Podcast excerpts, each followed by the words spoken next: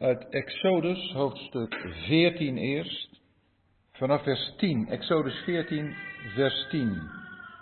Toen de farao dichtbij gekomen was, sloegen de Israëlieten hun ogen op en zie, de Egyptenaren trokken achter hen aan. Toen werden de Israëlieten zeer bevreesd en riepen tot de Heere. Ze zeiden tegen Mozes, waren er in Egypte geen graven dat u ons hebt meegenomen om in de woestijn te sterven? Hoe hebt u dit met ons kunnen doen, door ons uit Egypte te leiden? Was dit niet wat we in Egypte al tegen u zeiden? Laat ons met rust, laten wij de Egyptenaren maar dienen. Want het is ons beter de Egyptenaren te dienen dan in de woestijn te sterven. Maar Mozes zei tegen het volk, wees niet bevreesd, houd stand. Zie het heil van de Heer dat Hij vandaag nog voor u zal bewerken. Want de Egyptenaren die u vandaag ziet, zult u tot in eeuwigheid niet meer terugzien. De Heere zal voor u strijden en u moet stil zijn. Dan lezen we vers 26. Toen zei de Heer tegen Mozes, strek uw hand uit over de zee, zodat het water terugkeert over de Egyptenaren, over hun strijdwagens en over hun ruiters. Mozes strekte zijn hand uit over de zee, en tegen het aanbreken van de morgen vloeide de zee terug naar zijn oorspronkelijke plaats, terwijl de Egyptenaren het water tegemoet vluchten. Zo stortte de Heere de Egyptenaren midden in de zee. Want toen het water terugvloeide, bedolf het de strijdwagens en de ruiters van het hele leger van de farao, die hen in de zee achterna gekomen waren. Niet één van hen bleef er over. Maar de Israëlieten gingen op het droge, midden door de zee. Het water was voor hen een muur, aan hun rechter en linkerhand. Zo verloste de Heere Israël op die dag uit de hand van de Egyptenaren. En de Israël zag de Egyptenaren dood aan de oever van de zee liggen. Toen zag Israël de machtige hand die de Heere tegen de Egyptenaren gekeerd had. En het volk vreesde de Heere en geloofde in de Heere en in Mozes zijn dienaar. Toen zongen Mozes en de Israëlieten dit lied voor de Heere. Zij zeiden, ik zal zingen voor de Heere, want hij is hoog verheven. Het paard en zijn ruiter heeft in de zee geworpen. De Heere is mijn kracht en lied.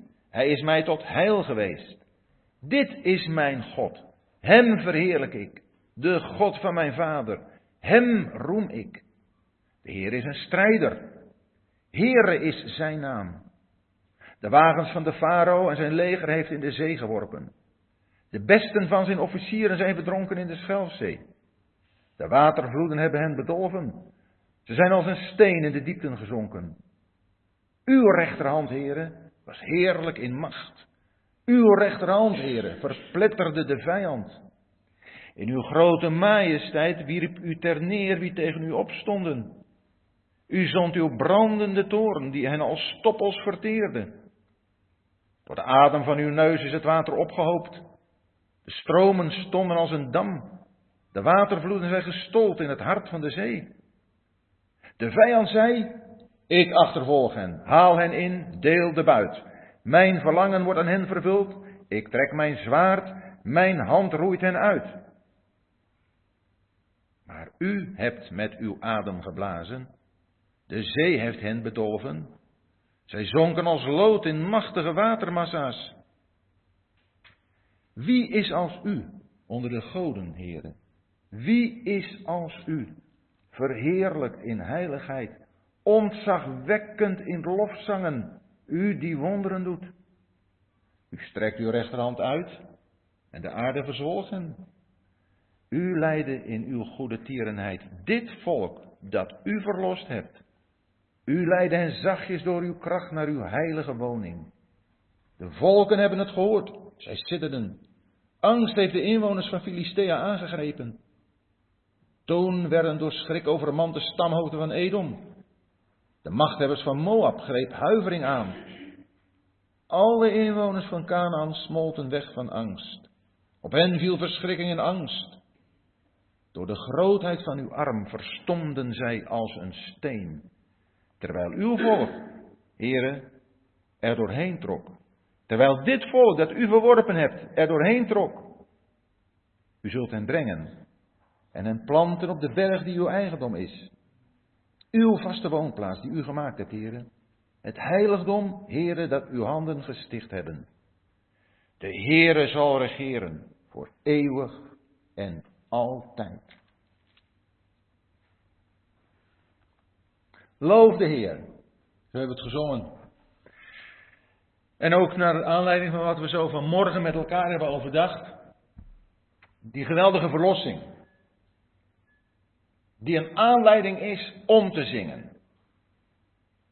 En dat, denk ik, vinden we in deze geschiedenis van het boek Exodus, de verlossing van Israël uit Egypte. Ik vrees dat ik, en misschien de meeste van ons, wel eens een beetje kwijt zijn geraakt waarvan wij verlost zijn. Hoe we in diepe ellende waren. We moeten ineens denken aan Psalm 107. Dan moeten we even een paar versen uitlezen. Want daar hebben we datzelfde in Psalm 107. Waar er eerst benauwdheid is en daarna verlossing en dan een loven van de Heer. En we lezen eerst vers 1 en 2. Loof de Heer, want Hij is goed, want zijn goede tierenheid is voor eeuwig. Laten zo spreken wie de Heer verlost heeft. Die Hij verlost heeft uit de hand van de tegenstanders. En dan lezen we in vers 10. Er waren er die in duisternis en in de schaduw van de dood zaten, gevangen in ellende en ijzer. Nou, dat waren de Israëlieten. Want ze waren ongehoorzaam geweest aan de woorden van God. En hadden de raad van de Allerhoogste verworpen. Daarom vernederde hij hun hart door moeite. Zij struikelden en er was geen helper. Maar toen zij in hun benauwdheid tot de Heeren riepen, heeft Israël gedaan, verlost hij hen uit hun angsten. Hij leidde hen uit de duisternis in de schaduw van de dood en verscheurde hun banden. Laten zij de Heer loven om zijn goede tierenheid en om zijn wonderen voor de mensenkinderen. Want hij heeft bronzen deuren opengebroken en de ijzeren grendels stuk gebroken. Wie van jullie kan zeggen, ik was gebonden in ijzers. Wie kan zeggen, ik was in de macht van de zonde? Ik bedoel, je kunt me allemaal nazeggen. Maar realiseren we ons dat? Als we in een christelijk gezin zijn opgevoed, dan is het gevaar groot dat we een beetje mee zijn gekabbeld. Je ouders en nou ja, het gaat misschien niet zo slecht in je leven, dus ja, je denkt het gaat met mij allemaal wel. Dan vrees ik dat er heel weinig dankbaarheid, weinig zingen voor de Heer is. Want zingen, die verlossing prijzen, doe je des te luidruchtiger, des te spontaner, naarmate je weet waaruit je verlost bent.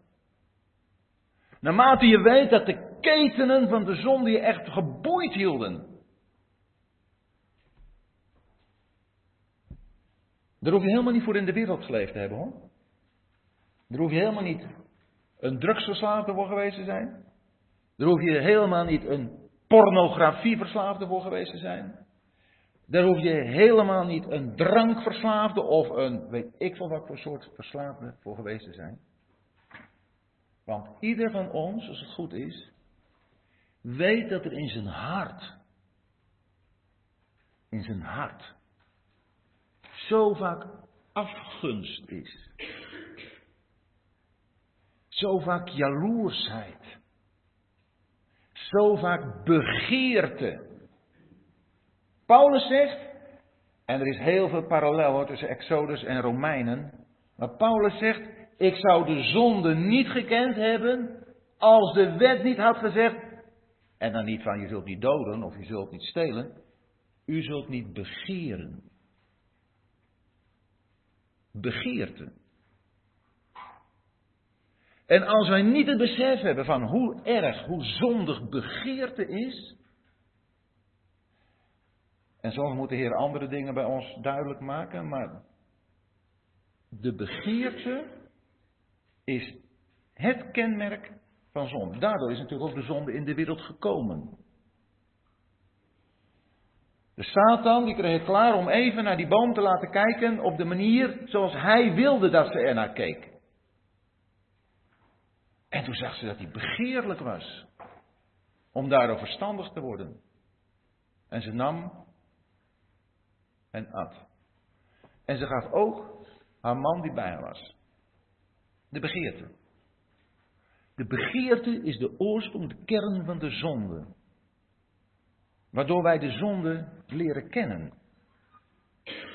En als we niet op de een of andere manier het besef hebben, die begeerte die huist in mij, dan moet er nog iets gebeuren.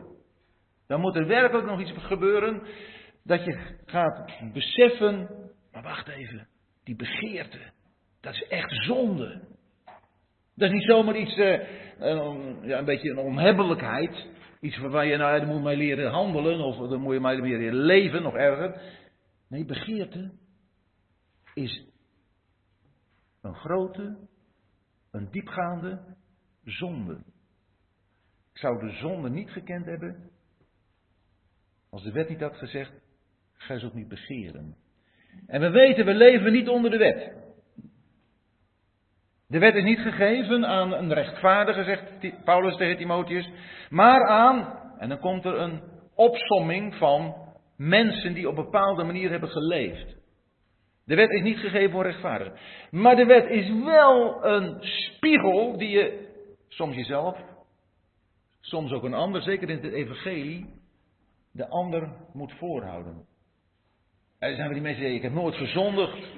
Nee, zonde. En dan zeg je van, joh, er staat in de wet, gij zult niet begeren. Nou ja, dan krijg je natuurlijk een discussie, of zou je kunnen krijgen, over, ja, wat is zonde? Nou, die discussie moet je nooit aangaan, want die verlies je altijd. Je gaat gewoon zeggen, de wet zegt, Gods woord zegt, begeren is zonde. Homoseksualiteit is zonde. Ongetrouwd samenwonen is zonde. Daar kun je natuurlijk allemaal discussies over gaan voeren. Van, ja luister joh, maar. Dit... Dat lees je zo vaak, hè? Gisteren nog in het, uh, in het nieuws. Het meer ouder gezin, twee mannen, een vrouw en een kind. Moet kunnen. En dan lees je even waar dat op gebaseerd is. En dan zegt men, het is toch te gek voor woorden dat wat vandaag gewoon kan, dat we zeggen dat het niet kan. Voel je hoe de zaak omgedraaid wordt? Het moet gewoon vandaag kunnen.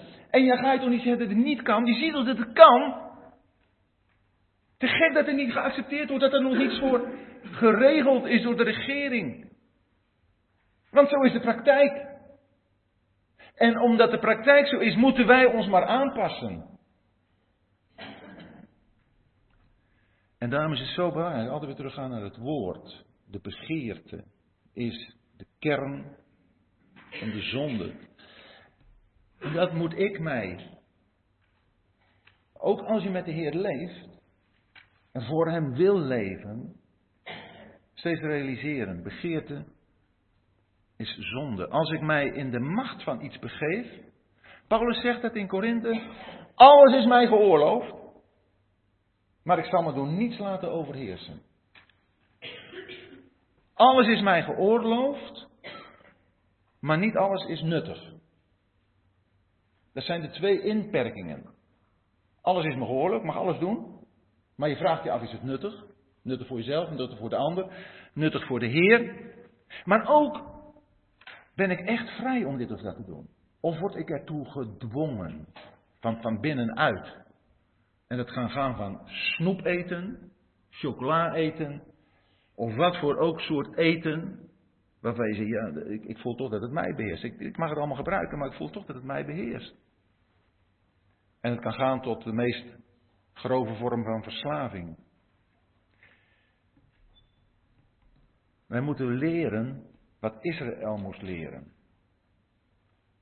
En Israël, ja, het boek Exodus is zo'n geweldig plaatjesboek van verlossing nadat er ellende geweest is.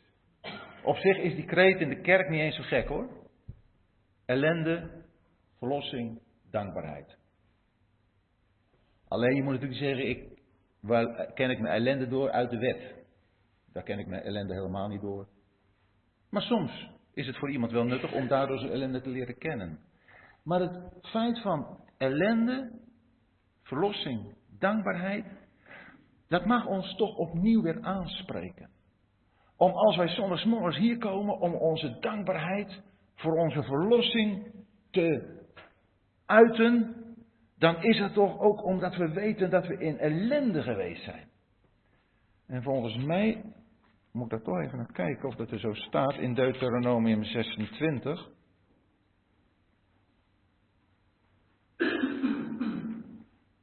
Moet het ergens staan, maar in elk geval lezen we in Deuteronomium 26 als het gaat om het brengen van de mand van de eerstelingen.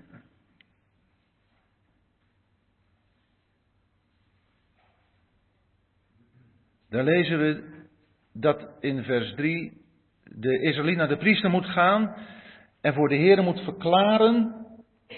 En dat hij moet zeggen in vers 5, mijn vader was een verloren Syriër. Hij trok naar Egypte en verbleef er als vreemdeling met weinig mensen. Maar hij werd tot een dader tot een groot, machtig en talrijk volk.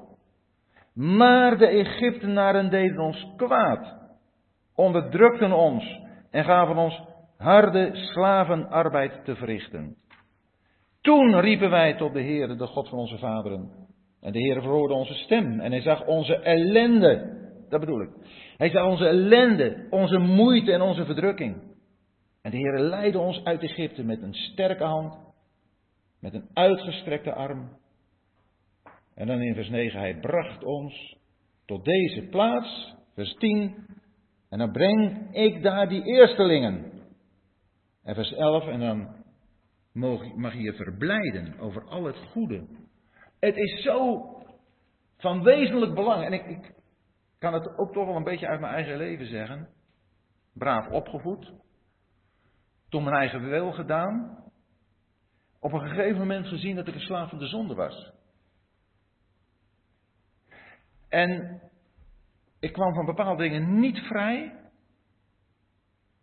Daar heb ik alleen geworsteld. Tot op het moment dat ineens ik zag op de Heer Jezus. Romeinen 7 is wat dat betreft waar het gaat over die man die een ellende is. Hè? Die man die zegt, ik wil het goede doen, maar ik doe steeds het kwade. En dan uiteindelijk zegt hij, ik ellendig mens. Heb je dat weer, die ellende. Ik ellendig mens. Wie zal mij verlossen uit het lichaam van deze dood? En het volgende vers is: Ik dank God door Jezus Christus, onze Heer. Dan gaat je leven echt op zijn kop. Want hij zei, die, die ellende die is voorbij. Ik ben verlost. En nu ga ik leven voor de Heer. Romeinen 8. Dan ga je leven door de geest. In Deuteronomium 26. Israël, we zijn ermee bezig nu op de Bijbelbespreking. Israël is nog niet helemaal in het land. Staat op de drempel. Ze zijn voor de Jordaan. En Mozes, die gaat hun hart warm maken voor, voor dat land. En dan gaat hij hun vertellen eerst hoe het allemaal gegaan is vroeger. Maar dan gaat hij ook vertellen over hoe het zal zijn. Maar nooit Nooit zullen ze mogen vergeten waar ze vandaan komen. Steeds weer. En dat vinden we ook verderop in de boeken de koningen en kronieken. Steeds weer wordt het teruggezien, ook in richteren, teruggekeken naar waar ze vandaan gekomen zijn. Het gevaar is zo groot dat we dat vergeten. Hoe ellendig we eraan toe waren. Of heb je die ellende niet gekend? Dan wordt het tijd dat het komt. En dan die ellende brengt je tot de Heer. Want Hij is de enige die die je daarvan kan redden. En dat heeft Israël in Egypte ervaren. Steeds harder werd die slavenarbeid. Want denk erom, de wereld neemt alleen maar hoor. De wereld die houdt je eronder, echt. En je gaat beseffen, wat is het minimaal in elk geval leeg. En op de duur wordt je portemonnee ook leeg, of je bankrekening dan in dit geval. Want je gaat investeren in dingen, en of het nou games zijn, of, of weet ik veel wat, allerlei dingen. Je gaat betalen. En ja, je wordt slaaf. En of het nou, het kan ook loterij zijn. Je wordt slaaf. Waarvan? Van de begeerte. Want je wil steeds meer. Of je denkt, ja, ik heb zoveel verloren, ik wil het terugwinnen. Dat is de wereld. En je gaat in ellende. Die verloren zoon, heb ik ook nog even aan moeten denken. Die verloren zoon, Lucas 15. Die kreeg de hele vermogen, dus de helft van het vermogen van zijn vader. Want zijn oudste broer die kreeg de rest. De andere helft. En die gaat er vandoor. Hij brengt het erdoor. En hij komt uiteindelijk bij de varkens terecht. En dan zit hij daar. En ik vind het eigenlijk zo mooi van God. Hè? Dan zit hij daar. Ja, toen hij met zijn vrienden feest vierde. En toen hij geld in overvloed had. En naar de hoeren ging. ging naar de hoeren. Want als oudste broer later, zijn broer later zegt van. Eh, die uw vermogen met hoeren heeft doorgebracht. komt er geen protest.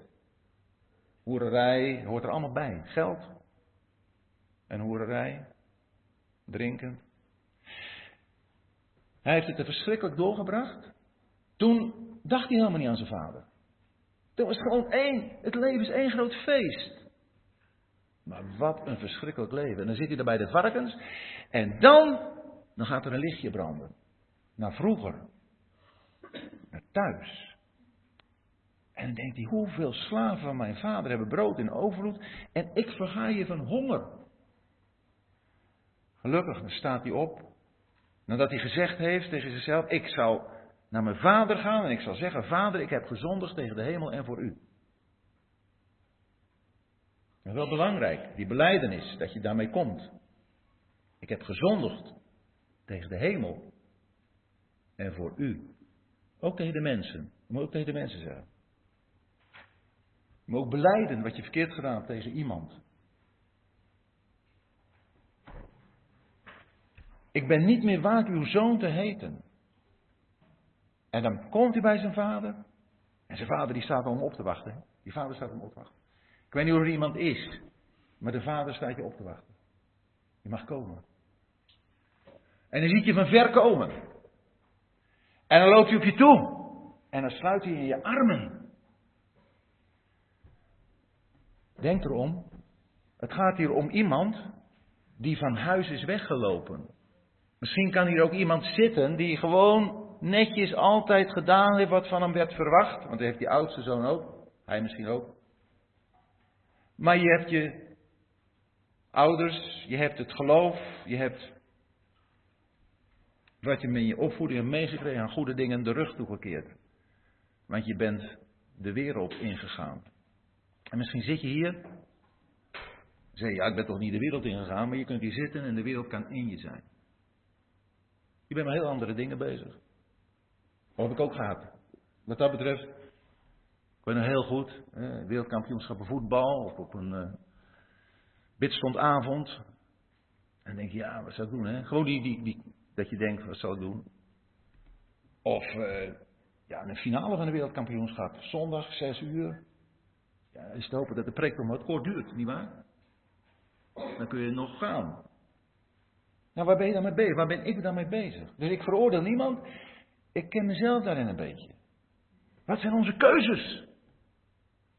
En zien wij dat wij van nature van niets schillen, schelen, schelen, verschillen van,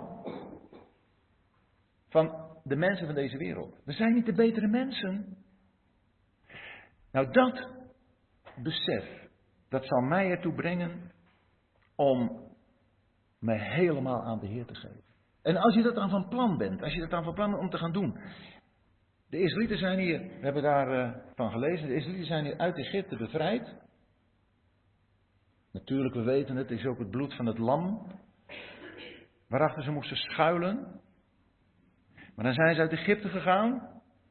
En dan komt de farao achter hen aan. Met zijn ruiters, een officier hebben we gelezen. En dan. Je denkt, jongen, jongen, goedkope arbeidskrachten. Hoe, hoe, kun je die zo gemakkelijk laten gaan? Die mensen die bouwen steden voor me en dan ben ik alles kwijt. Wat mij ook, toen ik dat nog eens een keer overdacht, weer trof, is die tien plagen die God over Egypte heeft gebracht. Heeft de farao niet veranderd? Het heeft de Egyptenaren niet veranderd. Dat is toch iets verbijsterends. God die zo vaak gesproken heeft. Farao moest steeds weer erkennen. En heeft steeds Mozes weer laten bidden. Ja, over gebedsverhoring gesproken. Elk gebed van Mozes wordt verhoord, hè? In deze serie plagen. Als hij dan bidt tot God, houdt die plaag op. Dat is gebedsverhoring. Maar de farao leert er niets van. En zo zullen de mensen in deze wereld ook niets leren van de plagen die over de wereld komen. Lees openbaring maar. Want al die plagen in Exodus vind je nagenoeg allemaal terug in openbaring. En wat lees je daar? Dat de mensen kauwen hun tongen van pijn, maar zij bekeren zich niet. En soms dan, het is nu al een poosje droog. En eh, in de achterhoek vooral, heb ik gelezen. Nou, daarom zit hier goed in het uh, groene Zeeuwse. Maar dat mensen zich gaan afvragen, hoe komt dat nou? Maar ze hebben allemaal natuurlijke verklaringen. Alleen maar natuurlijke verklaringen. En in de tijd van Elia duurde die droogte toch maar even drieënhalf jaar. Nou ja, wij zijn er misschien met drie maanden vanaf. Maar het is een spreken van God in de natuur. Maar wat doen de mensen ermee? Natuurlijke verklaringen zoeken. En zelfs als ze moeten erkennen, dit is God spreken, buigen ze zich niet. Dat is dramatisch. Dat is nou de mens ten voeten uit in zijn zondigheid, zijn opstand tegen God. Daarom moet er een diepe ellende komen. Een grote ellende, persoonlijke ellende. Dat je je realiseert, God bedoelt mij. Er is niet zoiets als een nationale bekering. Die bestaat helemaal niet. Ja, voor Israël. Israël zal zich nationaal bekeren. Ezekiel 37, daar lezen we het. Maar Nederland of Duitsland of waar dan ook in deze wereld, geen bekering hoor.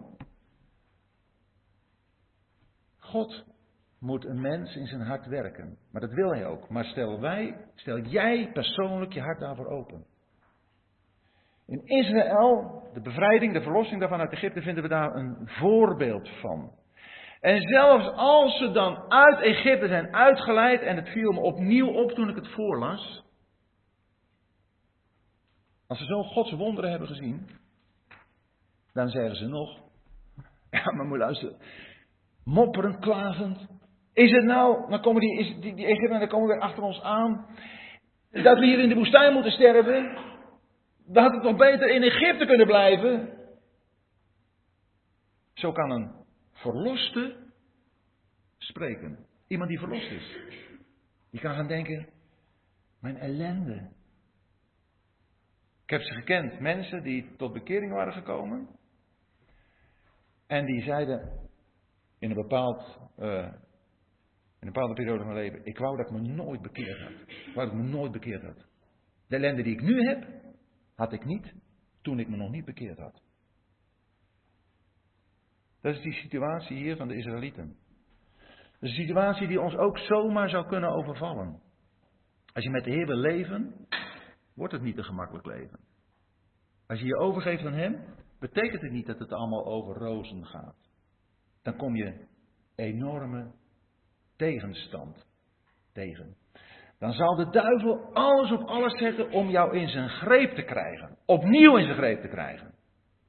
Kijk, mensen in de wereld, die heeft hij al lang. En slappe, lauwe christenen ook. Daar maak je helemaal niet druk om. Maar die christenen die voor hem willen leven, daar is hij bijzonder in geïnteresseerd. Dus gaat hij proberen om je volledig onderuit te halen. Dat kan hij gaan doen in je gezin.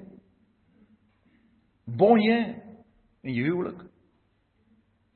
Hommelus met je kinderen. Dan kan je proberen monddood te maken op welke manier dan ook.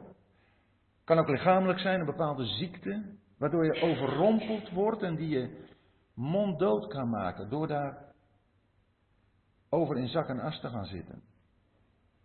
Kan gebeuren door je werksfeer, je collega's, die opeens toch niet meer zo vriendelijk tegen je zijn. Er zijn zoveel situaties die we als gelovigen op onze weg kunnen krijgen en die ons ertoe kunnen brengen om ons uit het lood te slaan. Dat wij gaan klagen over de ellende die we hadden, die we hebben. En dat we denken, had ik me maar nooit bekeerd. Het is zo bijzonder van God dat Hij zijn geduld niet verliest. En ook Mozes. Al zo de Israëlieten geklaagd hebben. Ja, moet toch lezen, hè? Het is beter voor ons de Egyptenaren te dienen dan in de woestijn te sterven.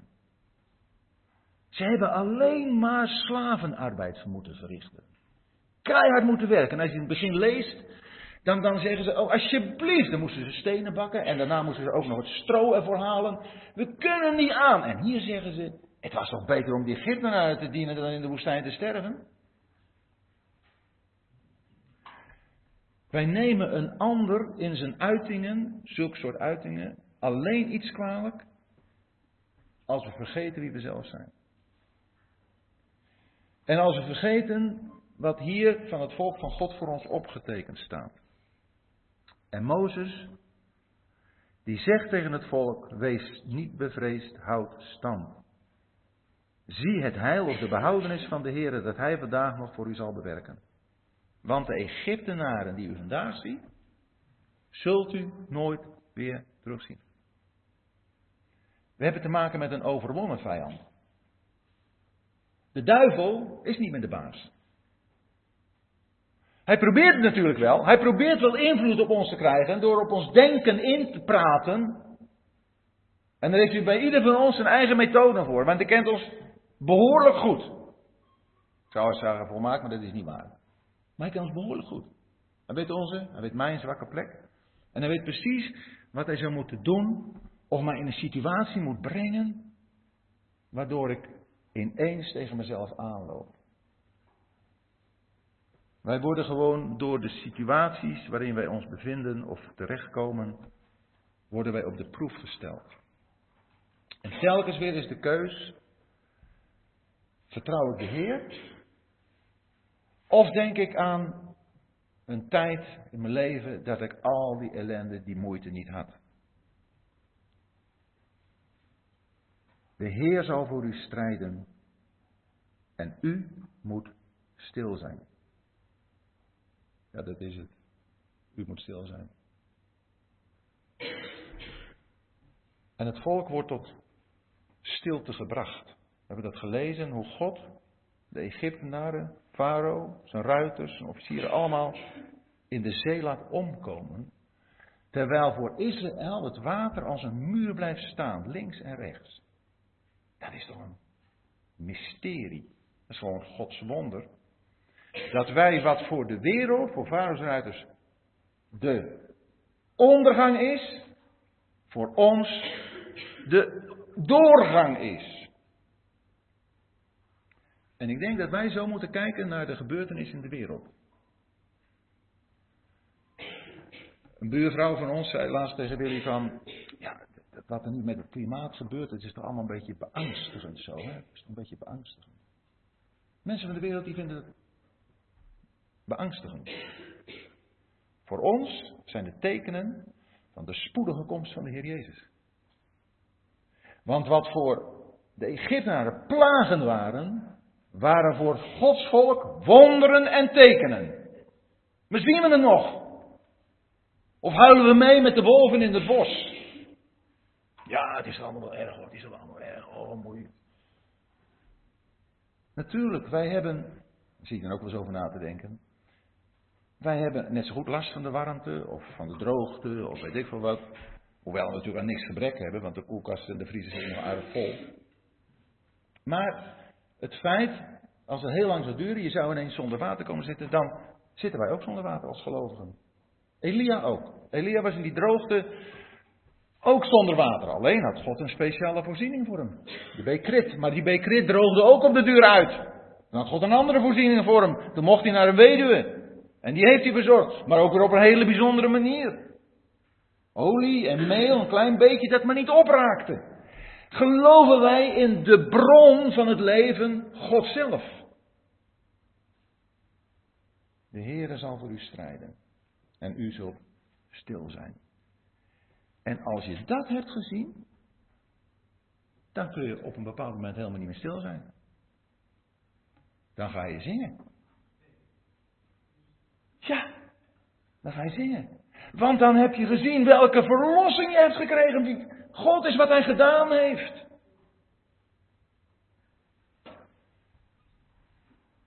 Gods wonderen zien we ze nog. En dan bedoel ik in de eerste plaats mee het wonder van mijn bevrijding, van mijn verlossing uit de macht van de zonde. Zie ik dat nog? Naarmate je wat ouder wordt, kan dat zo gewoon worden. Zo, en daarom is het natuurlijk schitterend dat we elke zondag de dood van de Heer mogen verkondigen. Er opnieuw aan mogen denken en daar mag je naartoe leven.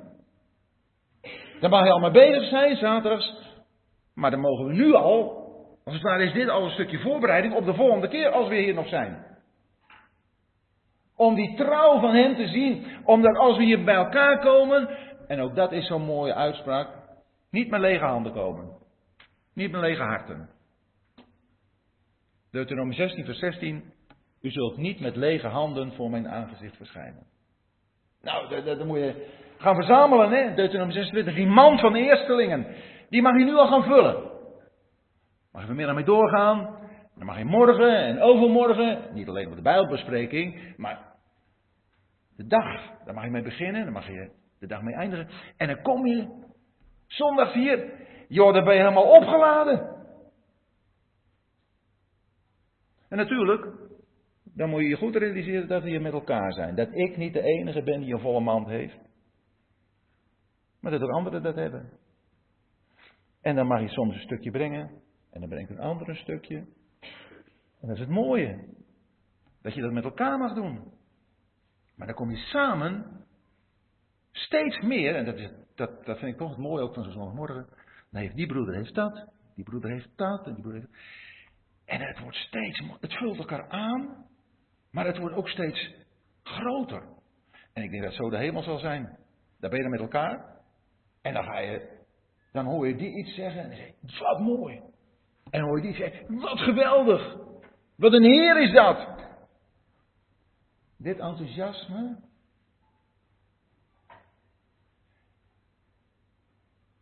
Met zelfbeheersing. Met overtuiging aan de Heer te kunnen brengen. Broeder Kees die bad, en dat uh, is een gebed aan mijn hart aan het begin.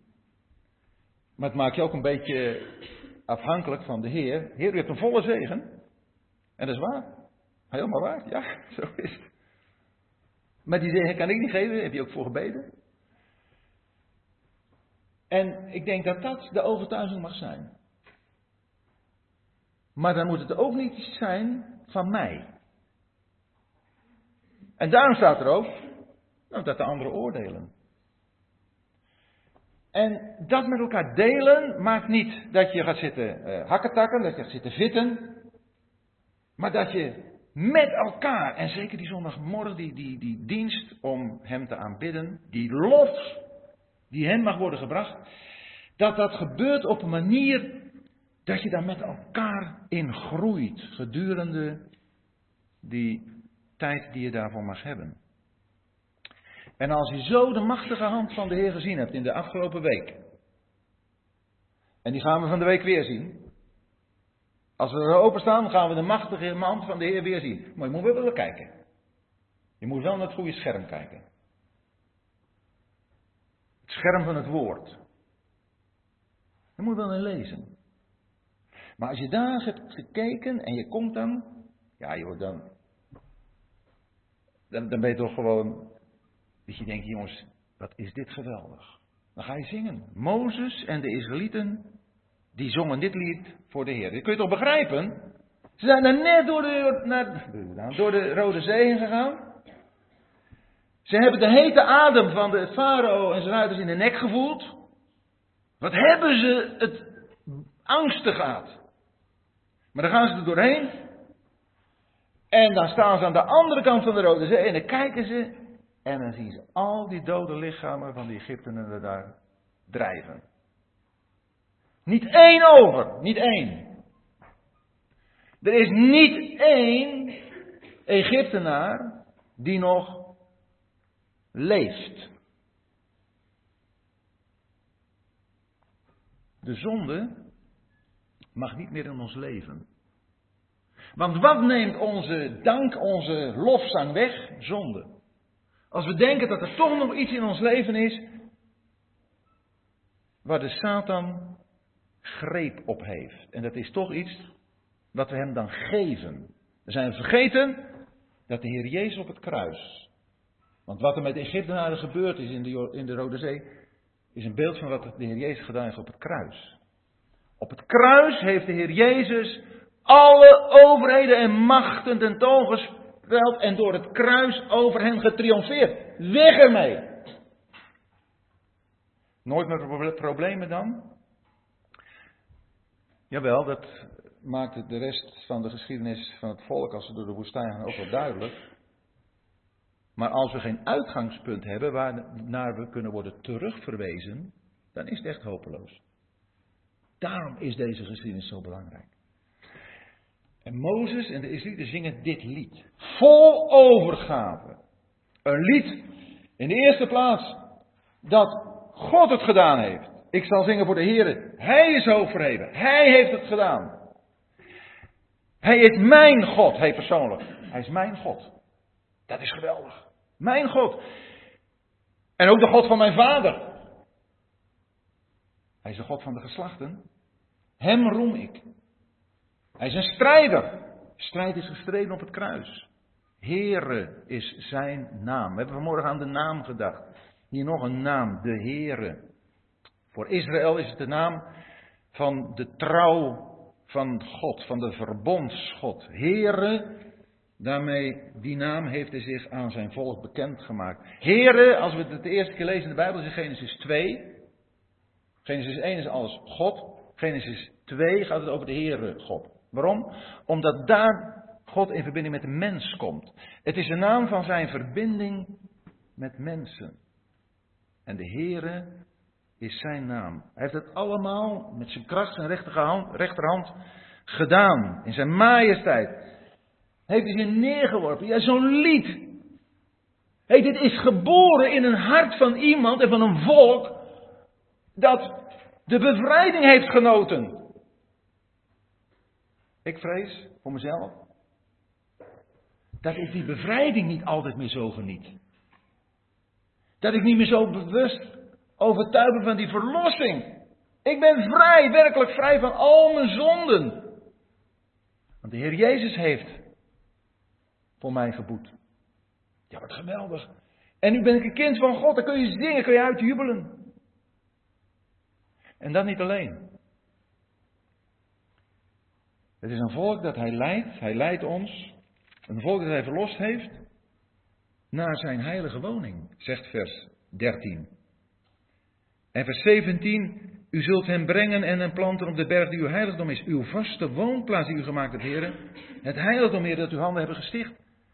Daar denkt Mozes al aan de tempel in Jeruzalem in het land. Want God heeft zijn volk niet, nadat hij het verlost heeft, de woestijn ingestuurd. En zegt, nou jongens, zoek je weg maar. Hij heeft voor de woestijn al een tabernakel klaargemaakt. Maar in het land een vaste woning. En zo mogen wij, kunnen dat toepassen gemeente zijn. Ook dat hebben we in ons gebed gezegd. We mogen geloven dat de Heer Jezus hier in het midden is, waar de twee of drie samenkomen tot zijn naam. Als de gemeente samenkomt, als gemeente, niet als een groep met een bepaalde naam, maar gewoon als gemeente, meer niet. Dan mogen we weten. En hij het gezag heeft door zijn woord, door zijn geest. Niet waar iedereen zomaar eventjes kan doen wat hij wil. Als hij het gezag heeft, dan mogen we weten, we mogen bij hem zijn. Zijn heilige woning. Het is een heilige woning. Het is niet iets waar iedereen op zijn eigen manier, zijn eigen wijze kan doen wat hij wil. En al helemaal natuurlijk niet de zonde. De zonde kan er en mag er geen plaats hebben. Hij heeft ons daar gebracht op grond van het paascha dat geslacht is. En dat we elke zondagmorgen als het ware mogen gedenken. Hij heeft ons gebracht bij zichzelf. Bij een woning, een heiligdom dat zijn handen gesticht hebben. Dat is zijn huis. En Timotheus 3 zegt het. De gemeente van de levende God, zijn huis is het huis van God. Daar wil hij ons hebben. Het mag een voorsmaak zijn van wat we dadelijk in de hemel, in het Vaderhuis, eeuwig zullen genieten. De verlossing. De verlossing heeft een doel. De verlossing heeft het doel dat we bij Hem zijn. Persoonlijk in ons leven mogen we met Hem de weg gaan. Gemeenschappelijk mogen we een plaats kennen waar de Heer Jezus in het midden is. We mogen weten dat we samen op weg zijn naar de hemel. Is dat niet reden om, ja, om Hem uitbundig te prijzen? Dan kom je toch woorden tekort. Om Hem daarvoor te danken wat Hij gedaan heeft. We waren in ellende en op weg naar de hel. We zijn nu in blijdschap op weg naar de hemel. Er is bijna geen grotere tegenstelling denkbaar. We waren in de macht van de Satan. We zijn nu in de zorg van de Heer Jezus en de Vader. Een goede herder die zijn leven gegeven heeft. En ons daardoor leven in overvloed geeft. Boek Deuteronomium spreekt daarover. Het eeuwige leven. Dat is de zegen. En ik hoop dat we daar veel van mogen gaan genieten als de Heer ons hier laat. Maar nu al is het belangrijk dat ik, dat wij ons realiseren dat de verlossing die we hebben mogen kennen vanuit de ellende, die dankbaarheid bij ons mag bewerken. Persoonlijk en ook gemeenschappelijk tot meerdere eer en glorie van de grote heiland God, de Heer Jezus Christus.